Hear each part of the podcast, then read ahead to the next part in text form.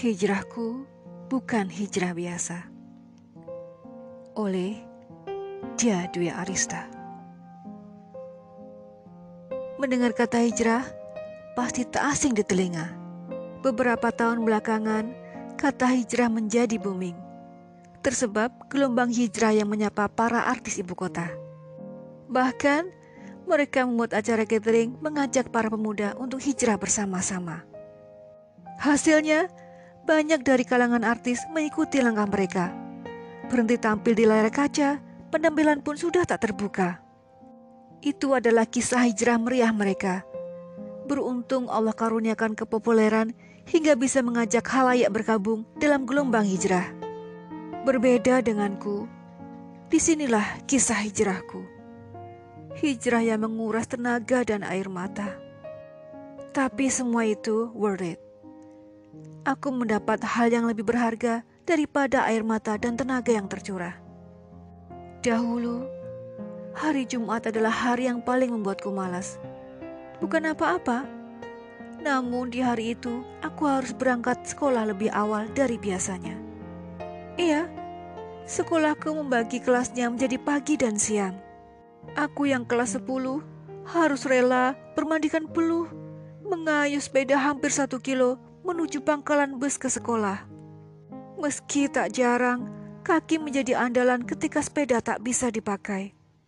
Pada hari biasa, zuhur adalah alarm untuk segera mengayuh sepeda setelah menunaikan salat. Namun, jika Jumat tiba, roda sepeda akan berputar satu jam menjelang zuhur. Perjalanan dari rumah ke sekolah jika normal adalah 45 menit. Jika molor, Alamat harus mendekam di perpustakaan untuk merangkum tiga buku sekaligus sebagai hukuman. Aku terlahir bukan dari orang tua kaya maupun berpendidikan. Ibuku tak pernah mengenal huruf dan angka. Sedangkan bapak sempat bersekolah hingga tingkat lima. Namun, terpaksa mengundurkan diri ketika ekonomi dirasa semakin sulit. Kehidupan kedua orang tuaku berputar hanya untuk mendapat secuil materi. Tak jarang karena ekonomi pula pertengkaran tersulut. Dan hal ini sering terjadi di depan kami, anak-anaknya. Iya, sering. Dan kami menyaksikannya. Pertengkaran biasanya diakhiri dengan drama perginya ibu dari rumah. Rumah terasa mencekam, dingin, tanpa tawa. Broken, but not broken. Memasuki usia remaja, pertengkaran masih sering terjadi namun, frekuensi berkurang. Hingga pada suatu Jumat, aku sudah lelah, sangat lelah dengan semua cekcok dan perang dingin yang mereka lemparkan. Keputusan berangkat lebih awal, tiga jam sebelum zuhur, menjadi titik tolak perubahan besar dalam hidupku. Di sebuah musola kecil, di tengah taman sekolah, duduk dua orang teduh dengan kerudung yang lebar, jilbab yang menjuntai. Cantik, penilaian pertamaku. Mereka adalah tutor yang difasilitasi sekolah untuk membina rohis.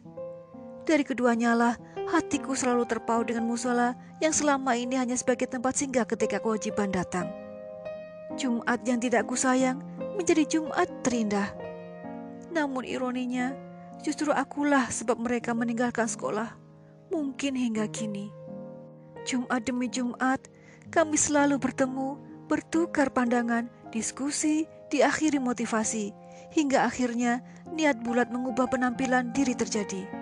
Sulit, tentu. Tentangan dari keluarga, lingkungan, bahkan sekolah menjadi makanan sehari-hari. Bersyukur, bapak dan kakak selalu mendukungku, dan keduanya lah menjadi motivasi terbesar untuk hijrah ke jalan yang lebih baik. Hijrah itu butuh pengorbanan. Apa pun itu, pasti ada hal yang menjadi taruhan dalam jalan hijrah. Taruhan yang paling besar saat itu adalah sekolah.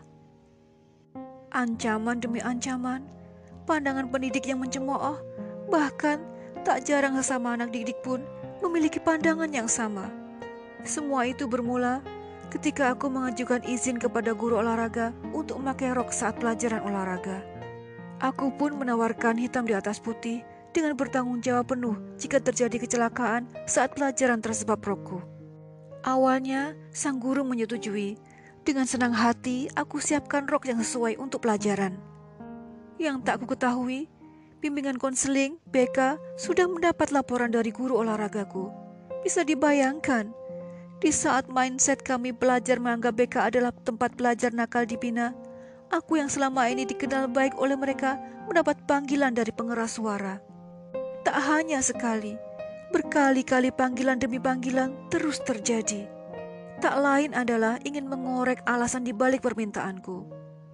Aku yang fakir ilmu mencoba menjelaskan apa adanya. Namun sayang, penjelasanku malah berakhir di meja hijau. Ups, meja kantor guru berwarna hijau. Ketika kaki mulai melangkah menuju pintu, pandangan mata sudah bertemu dengan dua orang paruh baya.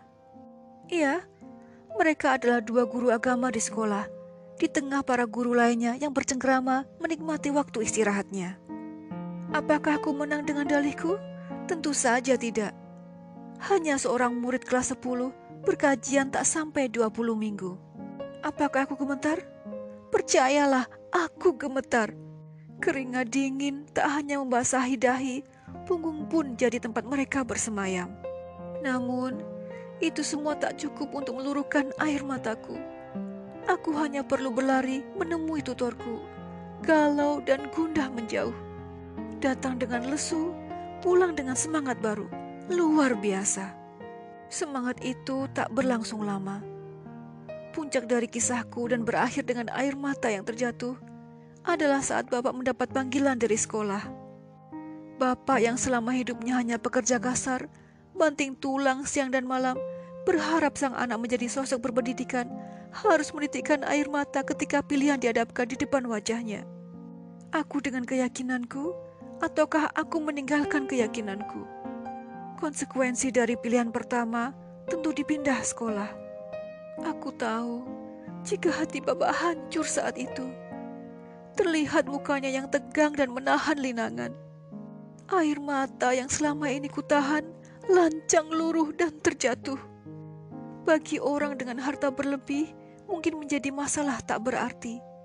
Namun tidak dengan kami.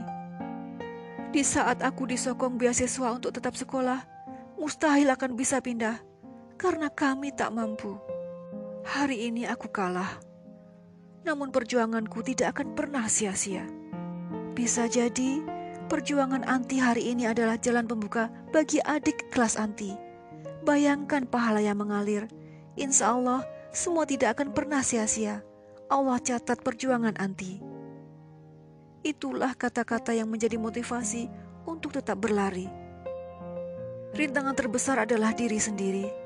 Ketika terhadang masalah dan menganggapnya sebagai hambatan besar, bahkan semangat pun memudar, maka saat itu perjuanganmu menemui titik akhir.